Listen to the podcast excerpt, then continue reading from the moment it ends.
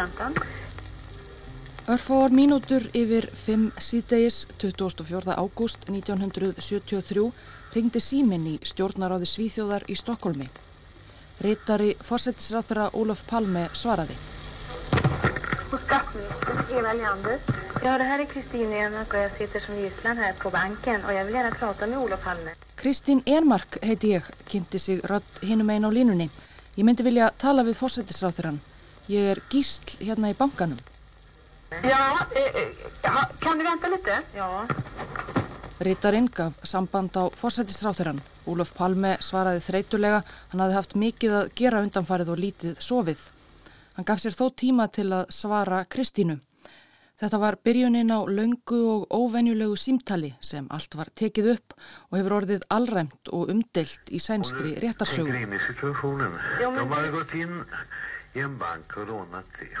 Viðmælandi Úlufs Palme fósitsráð þeirra Kristín Enmark varð einnig umdelt á heimsvísu því hún, gíslinn í bankanum, er manneskjan sem svo kallað Stokkólms heilkenni er kent við.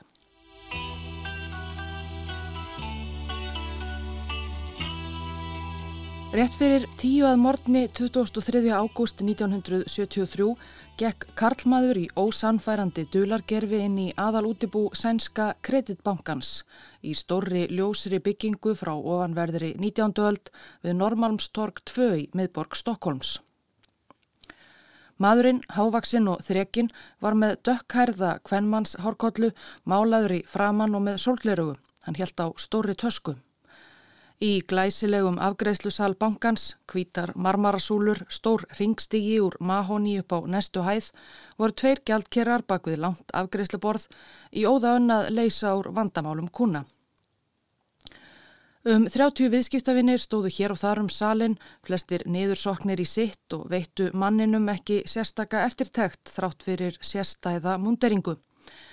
Þar til hann dró upp vélbissum, skaut upp í loft og rópaði á ensku Allir niður á gólf, partíið er að hefjast. Sumir lítu undir eins, aðrir stóðu stjarfir af ótta eða undrun, einhverjum tókst að taka strax stökkið út um útidyrnar og út á tork. Bissumadurinn gekk á milli þeirra sem enn stóðu, miðaði bissunni, rópaði fyrirmæli á ennsku milli þess sem hann flissaði og hló, hann virtist ekki alveg í jafnbægi. Hann dró lítið transistor útvarp upp úr töskunni sinni og kvekti á, skrúaði í botn og hávær rocktónlist ómaði um salin.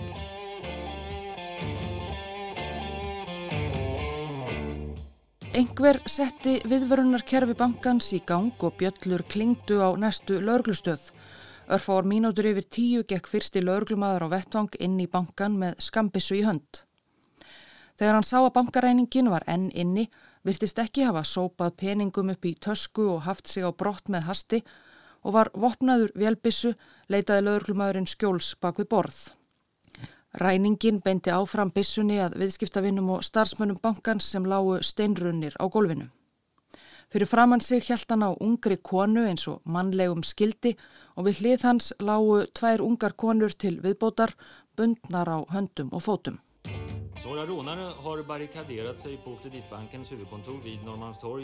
Við Norrmalmstorg í Stokkólmi standa bankar, fjármálafyrirtæki og verslanir með ímiskonar luxusvarning.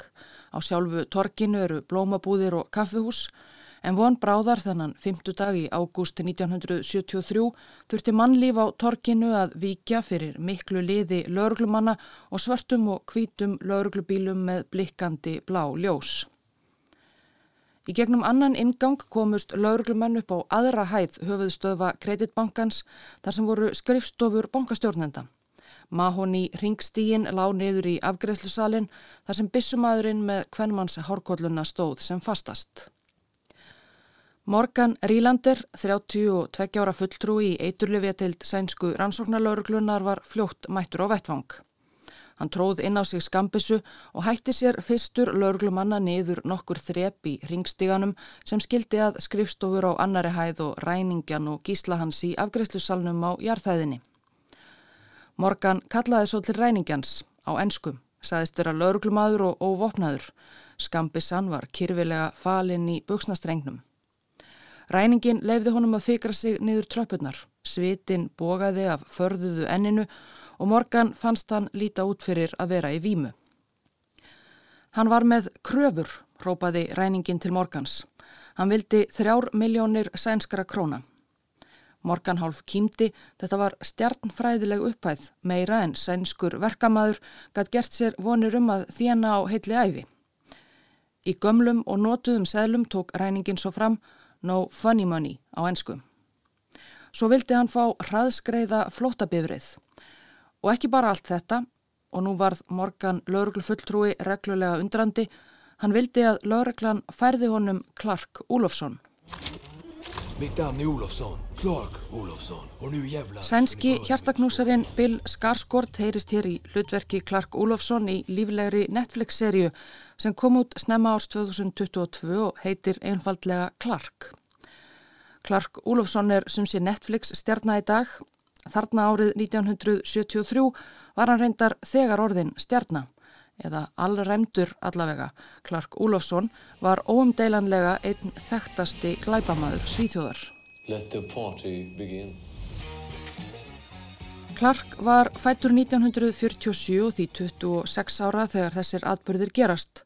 Hann ólst upp við erfiðar aðstæður í Trollhættan í vestur Svíþjóð og leittist snemma át á braut glæpa. Átján ára flúði hann af áfangaheimili, braust með tveimur félöguminn í gróðurhúsið við sveitasettur Tageir Landers, þáverandi forsættisráþra Svíþjóðar og stál gúrkum og tómutum. Glæpinnir gerðust þó fljótt öllu alvarlegri. Snemma árs 1966 var hann dæmdur í þryggja ára fangelsi fyrir árás á tvo laurglumenn en flúði úr fangelsinu eftir nokkura mánada vist. Við tók umfangsmikið leit sem sænska þjóðin fyldist spennt með og gerði andlit flótafangans Clark þekkt um gerfalt landið. Clark var loks tekin höndum að nýju eftir nokkrar vikur á flóta síð sumars 1966 og dæmdur í 8 ára fangelsi. Réttarhöldin urðu til að stjarnahans skein enn skærar. Clark var sjálfsörugur og fjallmyndarlegur, yðurlega glottandi á myndum Hann mætti í dómsal í flottum jakkaföttum með kærustu upp á armin, hvenna ljómin sem hann var. Í februar 1969 slapp Clark aftur úr fangelsi og tókst að komast allarleið til Frankfurt áður en hann var aftur gripin. Síðar sama ár flúði hann enn og aftur úr fangelsi, aftur var hann ekki lengi frjálsmaður en hver flotta til raun gerði góðsögnina um hinn slinga og sjarmerandi útlaga Clark Olofsson magnaðri næstum eins og einskonar rói höttur nema hann gaf aldrei fátækum, bara sjálfum sér. Clark slapp enn eina ferðina 1972 og tókst að komast undan í sjö mánuði þar til hann var loks tekin fastur á heilsuhotelli í vestur Gautlandi. Í ágúst 1973 satt Clark Olofsson í fangelsi í Norrköping þegar óþektur bankareiningi í Stokkólmi krafðist þess að fá hann til sín.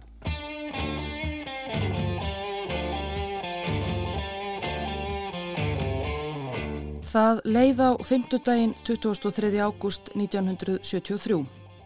Lörglufulltrúin Morgan Rílander var sestur í hægindastól í aðalsal kreditbankans við Normálmstorg og reyndi að halda upp í samræðum við ennskumælandi ræningjan með hárkolluna sem stóð bak við afgreðsluborðið og beindi velbissu að gíslum sínum. Halda honum rólegum Smám saman tókst Morgan að tala ræningjan á að leifa þeim bankastarfsmönnum og viðskiptavinnum sem lágu sem ráfiði á golfi salarins að fikra sig út um aðaldirnar og út í frelsið. En ungu konunum þremur sem hann hafi bundið á höndum og fótum með snæri og raðað í kringum sig, neytaði ræningin að sleppa nema af uppfylltum kröfunum þrjár miljónir, flótabíl og Clark Úlofsson. Ungu konurnar voru allar starfsmenn bankans. Elisabeth Oldgren, 21 ás gjaldkeri, Kristín Enmark, 23 ára hraðritari og Birgitta Lundblad, 31 ás skrifstofukona. Þær voru vitaskuld logandi hrættar um lífsitt. Ræningin virtist í ójabvægi. Þegar óttin náði taki á mér og þegar ég sá fingur ræningjans á giknum, fóru skindilega minningar frá æskuminni og uppvexti í vesturbotni að streyma fram. Kristín Enmark var 23 ára hraðritari í lánadeild kreditbankans og hafði flutt til Stokkólms þremur árum áður frá smábænum Bólíten í Vesturbotni. Hún hafði ekki unni lengi í kreditbankanum og langaði að læra félagsráðgjöf næsta vettur. Hún átti sjaldan erindi niður í afgreðslusalinn en hafði búið sér til tilefni þennan morgunin til að tala við ungan gjaldkera sem hún var svo litið skotin í. Með hjálpissuna fyrir frama mig hugsaði ég mest um mömmu og pappa.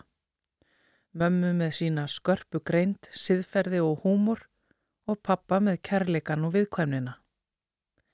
En ég hugsaði líka um sískinu mín þrjú, Lenu, 17, Úlriku, 13 og Jónas, 8 ára. Velti fyrir mér hvernig gengi hjá þeim. Ég fann hvernig ræningin varð sífælt pyrraðri og hótanirnar mögnuðust. Hann sagði að ef kröfur hans erðu ekki uppfylltar, myndi hann taka eitt gísl af lífi. Í tilraun til að róa stemminguna tók Morgan Rílander löglumadur upp á því að syngja. Ræningin hafði þá eitthvað lækkað í útvarpinu.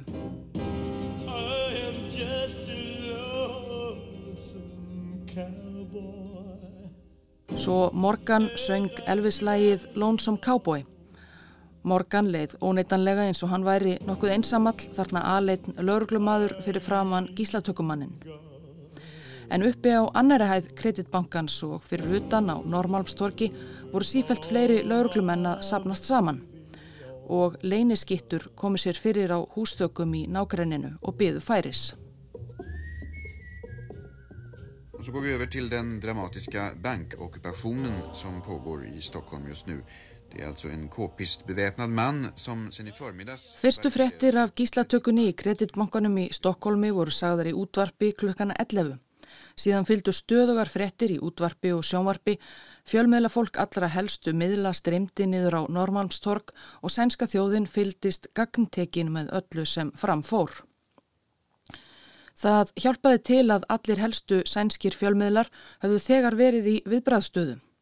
Skömmu áður en frettir bárust af gíslatökunni hafði Gustaf sjötti svíakonungur verið lagðurinn á sjúkrahús í Helsingborg með svæsið magasár. Kongur var á 90. og fyrsta aldursári og flest byggust við að hans síðasta stund nálgæðist, reyðu búin að draga fána í hálfa stöng og hitla svon hans Karl Gustaf nýjan konung. En fregnirnar af gíslatökunni í höfðborginni voru nú talsvert meira æsandi.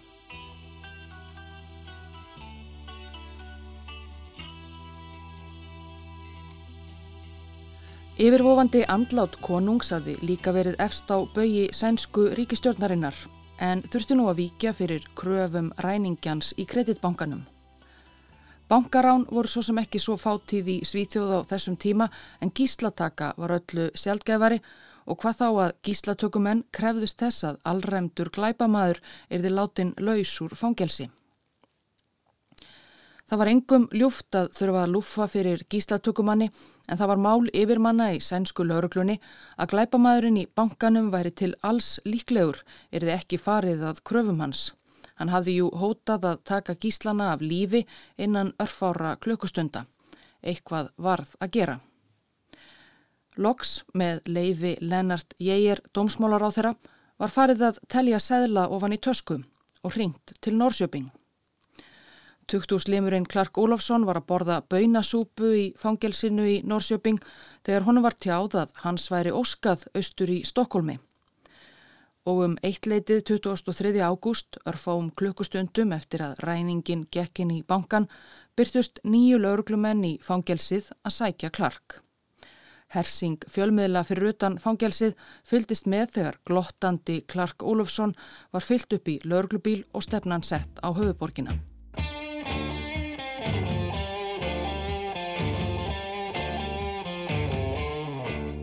Ef ég hefði getað orðið enn hrættari en ég þegar var, þá var það þegar ræningin sagði að hann vildi fá Clark Úlofsson til sín í bankan.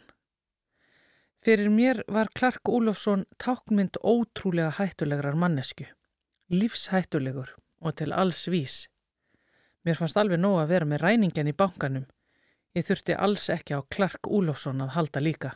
Áform yfirvalda voru að fá Clark útlagan til að hjálpa þeim sannfæra bankaræningjan um að leggja niður vopn og sleppa gíslunum gegn því að fangelsistómur Clarks yrði stittur, hann jáfnvel náðaður. Á fundi með lauruglufóringjum á annari hæð kreditbankans félst Clark fús á þetta en spurningin var kannski helst hvort Clark Úlofsson væri maður sem hægt væri að treysta til samvinnu.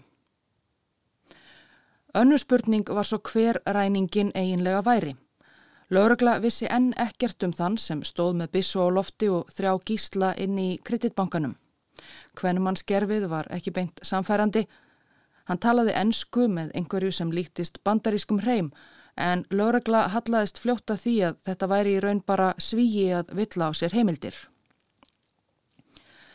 Helstakenning lauruglu var að þetta væri ungur söður svíi að nafni Kai Hansson. Kai, 21 árs, hafi rænt banka með Clark Olofsson í byrjun árs 73 verið dæmtur í fjögura og hálsás fangelsi fyrir en flúið í byrjun júli. Hann var enna á flóta og vita til að hann hafi rænt allavega einn banka til viðbútar. Þeir Kai og Clark þekktust sem sé. Þetta hlaut því að vera Kai undir dulargerfinu og Clark hlaut að geta tala þennan vopnabróður sinn niður.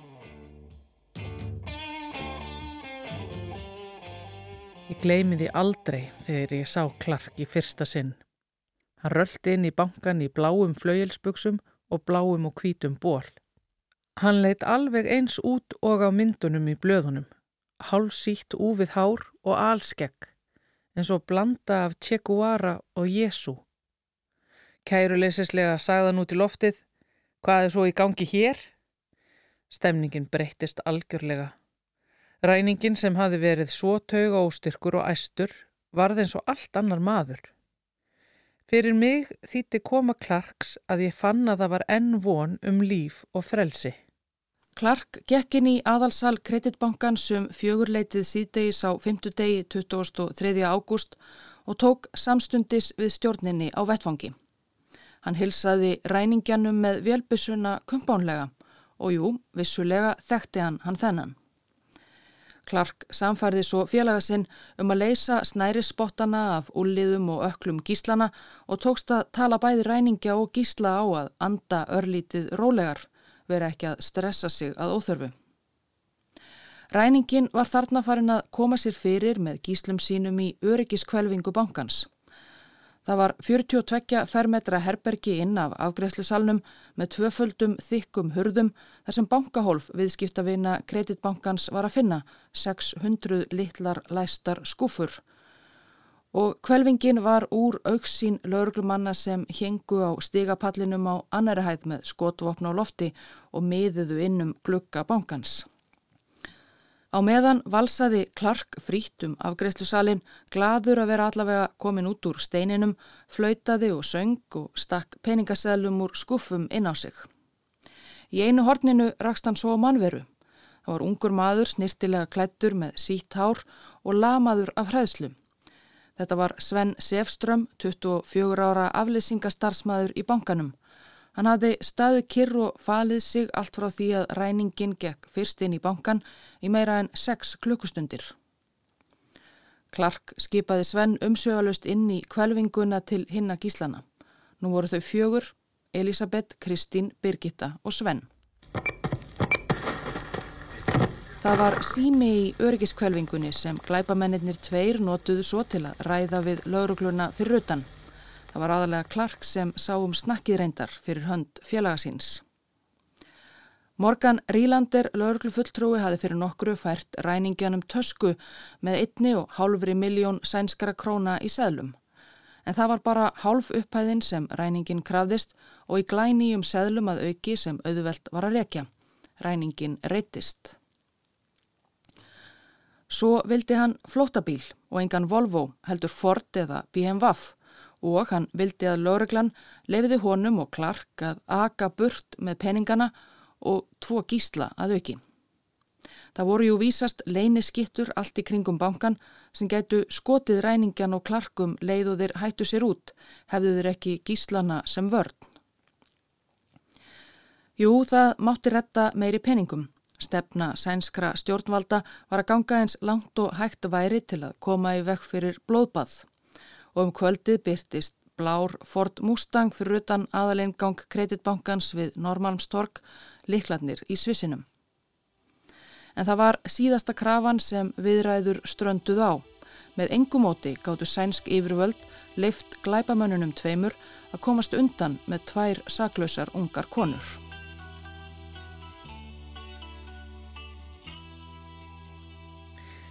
Ég held að enginn sem ekki hefur upplifað eitthvað þessu líkt geti skilið hvernig okkur leið. Við höfðum lífshættulega okn stöðugt hangandi yfir okkur. Hún gæti orðið að veruleika hvenar sem væri, án nokkurar viðvörunar og án þess að við gætum nokkuð aðgert. Það var ekkert að gera nema býða og vonast eftir kraftaverki. Það var þó ekki það sem gíslatnir fjórir höfðu helst áhyggjur af. Í útvarpinu heyrðu þau af gríðarlegum viðbúnaði lauruglu á Normalmstorki, þungvæpni og leyniskittum á þökum. Hvað ef lauruglan rittist skindilega inn í örgiskvelvinguna? Þá væri tauga ástyrkur ræningin til alls vís, eða þau gætu orðið fyrir slísaskotum í skotbardaga. Kanski var lauruglan í raun þeirra helsta ógn. Tímin leið, viðræður ræningja og lauruglu gengu ekkert Áform lauruglunar voru að tefja ræningjan, þreitaðan þar til hann gæfist upp, lúfaði eða gerði einhver mistök. Í óvissunni og byðinni breyttist áleitt Kristínar Enemark hraðritara fljótt á glæbamanninum fræga Clark Úlofsson. Það var út af þessu sem Clark varð okkur svo mikilvægur. Hann talaði við okkur, hann rettaði hlutum og hann var manneskja. Fyrir mér var þann hetja um leið og hann steig inn í bankan. Ég fór að dyrkan. Það leið á 50 dagskvöldið.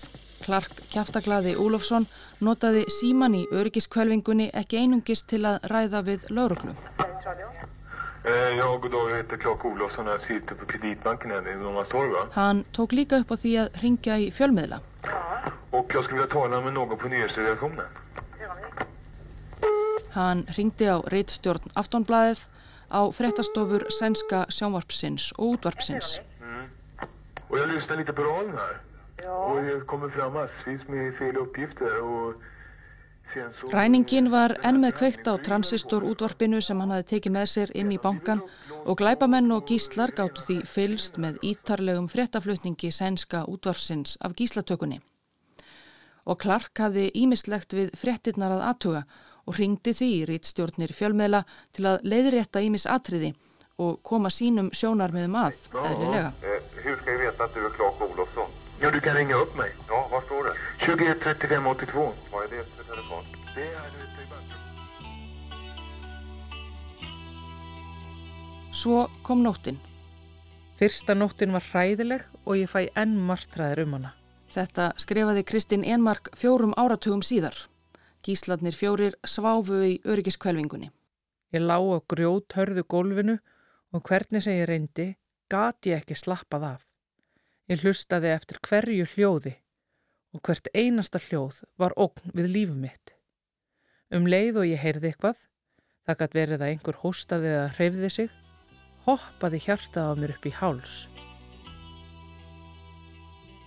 Vi ska till bankdramat vid Norrmalmstorg här i Stockholm. Fyra personer hålls sedan tiotiden igår förmiddag som gisslan... Förstudags morgunin 24. ágúst vaknuðu svíjar við að gíslatökudramað í höfuðborginni stóð enn.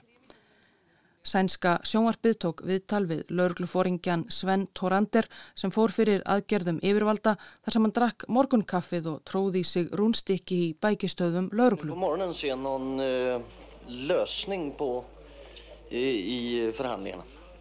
Vi är ju alltid optimister och hoppas att det ska bli någon lösning på det. Lycklig lösning. Ekkert mikið að fretta, sagði hann. Lóregla var í stöðugu sambandi við Clark en samningar hafðu ekki enn náðst. Í útvarsfrettum sænska ríkisútarsins SR síðar á föstudag var nokkuð óveinuleg uppákoma. Kaj, það er mamma sem talar. Móðir grunaðs ræningja Kai Hansson ávarpaði svonsinn í útvarpinu. Du måste ge upp detta fruktansvärda du håller på med. Men sista vädjan Kai, lyd mamma. Þú verður að hætta þessu hræðilega sem þú ert að gera, saði mamma. Gefstu upp fyrir þig og alla aðra, gerðu það, hlýttu mömmu. Kristín Enmark og hinnir gíslatnir fyldust með ræningjanum hlusta á skilabóðin en hann síndi engin sérstök viðbröð, let allavega ekki vopnið falla og let þau umsöfalaust laus eins og mamma sagði að hann ætti að gera. Slökti svo bara á útvarpinu. Fyrrum daginn, rétt upp úr sex í morgunsárið á förstu dag, hafði reyndar verið enn undarlegri uppákoma. Allt í einu heyrðist kallað úti í salnum fyrir utan örgiskvölvinguna. Það stóð einhver í miðjum ringstiganum upp á aðra hæð bankans þar sem lauruglumenn heldu til. Sengt á 50. kvöld höfðu lauruglumenn sótt 17 ára pilt í skánska bæin Jungbyhett og fyllt honum í næturflug til Stokkólms. Pilturinn var Dan Hansson, yngri bróðir Kai Hansson og hann átti að samfæra bróður sinnum að leggja niður vopn. Lauruglunni á Normalmstorki til Halds og Trausts í málinu var profesor í geðleikningum Níls Bærótt sem fullvisaði Dan að bróðir hans myndi aldrei meiða hann. Logandi hrættur þó Stölaðist Dan Hansson niður ringstigan af annari hæðinni í fyllt profesor Bæjarott um sexa morgni föstudags og kallaði til bróður síns. Kai, hættu þessu og gefstu upp. Einhver skautur velbissu í áttasteganum. Dan, 17 ára, hljóp aftur upp óttaslegin, en profesor Bæjarott talaði hann á að gera aðra tilraun. Aftur fikraði hann sig niður stigan og kallaði á bróður sinn.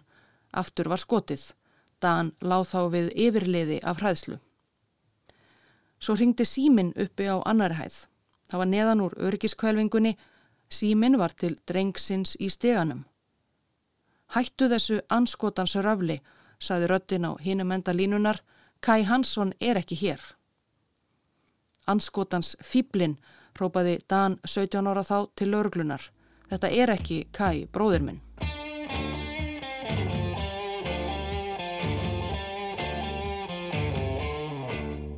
Það var vissulega ekki Kai Hansson sem var ræningin í kreditbankanum. Það varð sérstaklega ljóst síðar á förstu daginn 24. ágúst þegar rætt var við ræningen sjálfan í sænsku sjómasfréttunum. Hann var þá hættur að tala ennsku. Halló, ja. Er det Kai Hansson? Vem jag är spelar ingen roll, va? Hann sagði ekki til nafn sem margir sem hlustuðu þekktu röttina og hafðu samband við lauruglu. Ræningin var í raun Janne nokkur Úlsson, 32 ára, líka atvinnuglæpamaður og félagi Clarks Úlufsson. Þeir höfðu setið inni saman nýlega og haft háleit áformum að Janne myndi hjálpa Clark að sleppa út þegar sá fyrrnemdi fengi leifi úr fangelsinu og þeir svo halda saman tveir út í frelsið. En áform þau fór út um þúfur og mögulega var allt þetta svo til þess einskjert að losa Clark Olofsson úr fangelsi. Tidigare idag fick eh, ekoredaktionen en telefonkontakt i banken með Kristín Enmark. Gísladnir tóku líka þátt í fjölmiðla sirkusnum við Normalstorg. Kristín Enmark rætti við sænska sjónvarpið á förstudaginn og vakti afstæða hennar nokkra aðtegli. Alltså jag är inte det minsta rädd för Clark och den här andra killen. Va? Jag är rädd för polisen. Förstår du? Ég er ekkert trætt við Clark eða hinn. Ég er hrætt við lögregluna. Ef þú koma hérna inn, tuttugu og skjóta, þá deg ég eða vini mínir. Það er óumflíjanlegt því hann er alltaf með okkur stelpunar sem skjöld. Og ekki löngu síðar ringdi Kristín líka í Úlof Palme fórsættisáþurra. Clark hafði útvegað númerið í stjórnaráðinu og þegar átt samtal við ráþeran. Kristín, 23 ára, skóf ekki af því. Ja, men vi, det vi, alltså, jag litar fullt och fast på, på Clark va, og rånarna. Ég tristi Clark og ræningjanum algjörlega. Megu við ekki, ég, Elisabeth og ræningin, fá peningana og bissur og fá að fara. Því það vil ég. Palme reyndi að malda í móin en fekk Kristínu ekki hakað. Þau rættust og við í meira en 40 mínútur. Sænska örgislögreglan tók símtalið upp en aðtikli vekur að það virðist hafa verið átt við upptökuna sem síðar var gerð aðgengileg almenningi eitthvað sem Palme sagði við Kristínu klift út. Kristín sagði síðar að Palme hafi spurt hana eitthvað í líkingu við hvort það er ekki bara gott að deyja í ennbætti, deyja fyrir bankan. Kristín, 23 ára, hafi engan áhuga á því.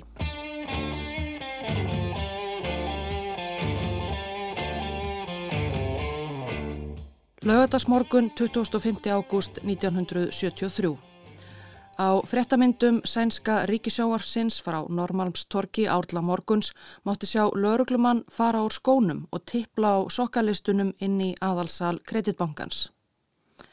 Nokkru síðar var tilkynntum ástæðu laumugangsins í fjölmiðlum.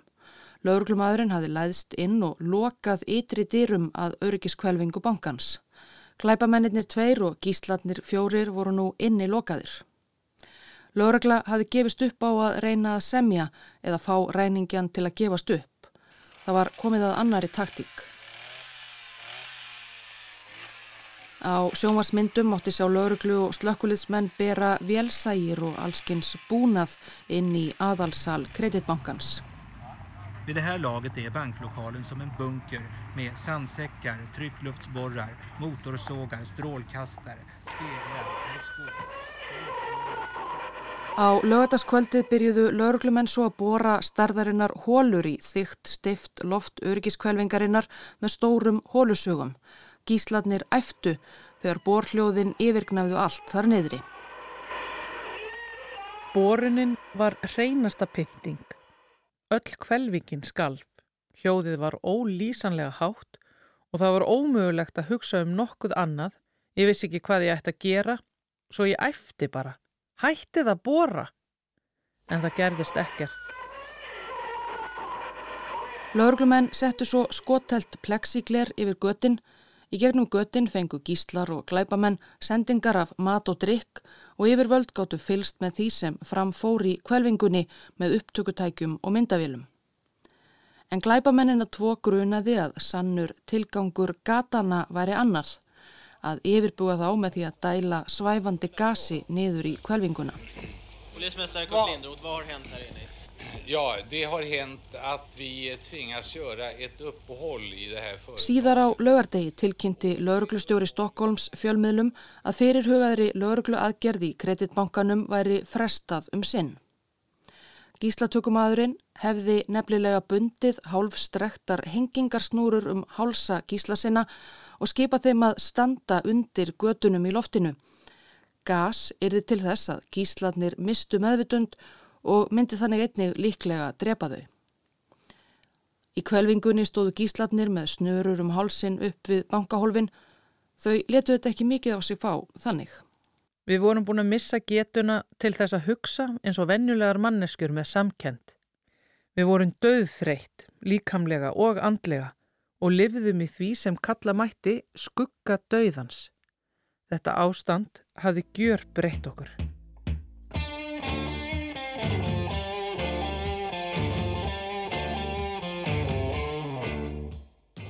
Við förum hrætt yfir sögum þó tíminn hafi sjálfsagt liðið lötur hægt niðri í öryggiskvelvingu kreditbankans.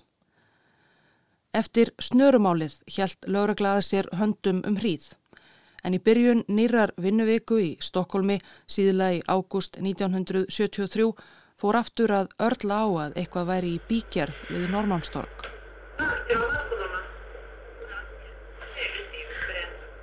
Á upptöku sænsku örgislaugurklunar úr kvelvingunni má heyra að gíslatökumennir og gíslatnir hlustuðu á nýju fréttir útvarsins að vanda þriðutaskvöldið 28. ágúst. Fyrsta frétt var sem endranær af gíslatökunni í kreditbankanum. En það reyndist ekkert sérstakt að frétta. Allt var við það sama. Svo lítið að lögregla sá ekki einu sinni ástöðu til að halda bladamannafund þennan daginn. Engur slökti á útvarpinu þegar komað næstu frétt í tímanum. Gísl spurði þá hvað klukkan væri.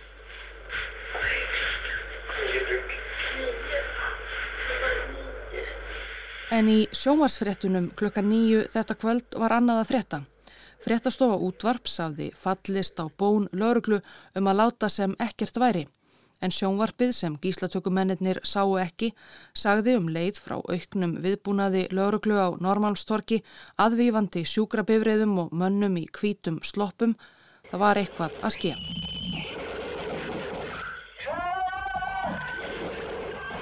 Fimm mínútur yfir nýju, rétt eftir að útarsfréttunum lauk, losuðu lauruglumenn plexiglerið frá borhólunum í lofti kvelvingarinnar og pumpuðu táragassi niður á sexmenningana sem þar sátu. Þessu fylgdi mikill háfaði og ringulreið. Clark Olofsson hrópaði við gefumst upp og gíslarnir tóku undir. Þetta var bara tárakas, svæfði kvorki glæpamenn í að gísla, olli einungis, já, talsverðum og þægindum. Engu að síður var Janne Úlsson hér loks komin á að gefast upp. Í upptökum heyrist hann segja að hann óttist að lögurklumenn drepi hann ef hann hætti sér út úr kvelvingunni.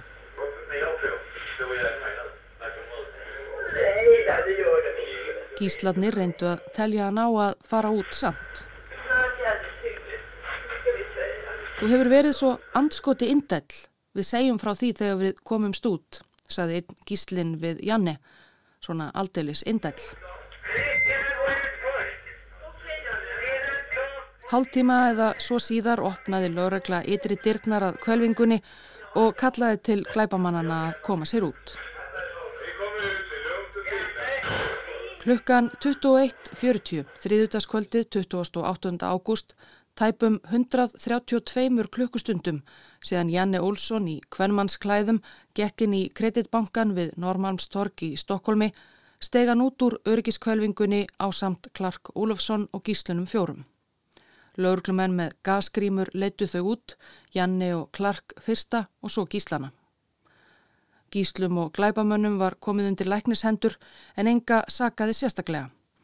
Fagnaðalæti brutust út meðal fjölmiðla og lauruglumanna á torkinu. Ingen, ingen skadad, ingen skadad, ropar eh, kommissarie Torander og pressen og even polisen eh, applåderar. Púað var hins vegar þegar lauruglumenn leittu ræningjan Janne Olsson út. Rånaren har givit upp. På torget här så ropar man. Gíslatökunni við Norrmalmstorg var loksens lokið.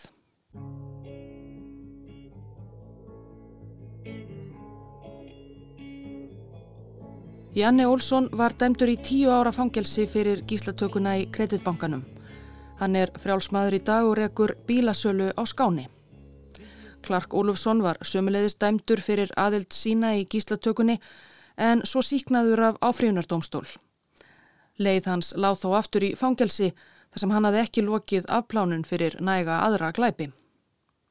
Það var Níls Bæirott, professor í geðlækningum og hjálpar hella lauruglu í gíslatökunni sem nokkru síðar setti fram kenninguna um Stokkólms heilkennið.